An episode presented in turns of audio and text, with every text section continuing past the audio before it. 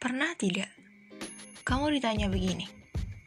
Apa sih alasan kamu cinta banget sama pasangan kamu sekarang? Nah, pertanyaan ini pernah aku tanyakan pada temanku yang sudah menikah. Dan jawaban temanku, dia bilang, dia nggak tahu. Dia nggak tahu apa yang buat dia cinta banget sama pasangannya yang sekarang. Kenyataannya ya, alasannya memang gak ada. Gini, saat kamu cinta banget sama seseorang yang sudah kamu miliki, atau juga masih kamu incar diem-diem tuh, pernah gak ngerasa ini alasan aku secinta ini sama itu orang. Alasannya apa ya? Pasti, kamu merasa ini semakin dipikir, semakin kamu nggak tahu jawabannya. Iya nggak? Menurutku iya, karena aku ngerasa seperti itu. Serahasia itu aku cinta sama dia, dan aku nggak tahu alasannya sampai sekarang. Setelah bertahun-tahun, kalau mau dibuat perbandingan, kasarnya ya dia udah pasti kalah ganteng banget sama yang lain. Terus dari segi orang yang baik ya juga kalah karena banyak yang lebih baik dari dia.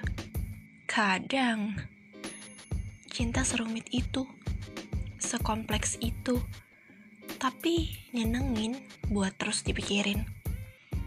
Kadang-kadang orang lain bisa kaget kalau aku bilang aku cinta banget sama itu orang. Dan teman-temanku yang lain bilang, kok bisa sih? Kan banyak yang lain, kayak nggak ada orang lain aja. Iya, iya memang banyak yang lain, tapi kenapa orangnya itu dia ya? Aku juga nggak tahu gitu. Mungkin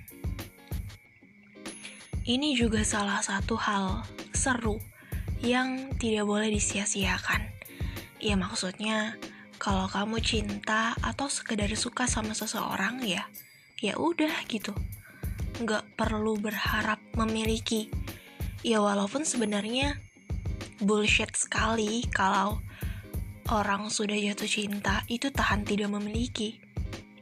Tapi kalau akhirnya kamu jatuh cinta, tapi juga nggak tulus, selalu minta orang lain itu cinta dan suka balik ke kamu ya, jadinya proses mencintai tidak lagi seru.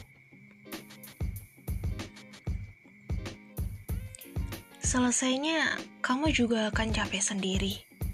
Kasihan juga sama diri sendiri. Ya, jadi cintailah sewajarnya.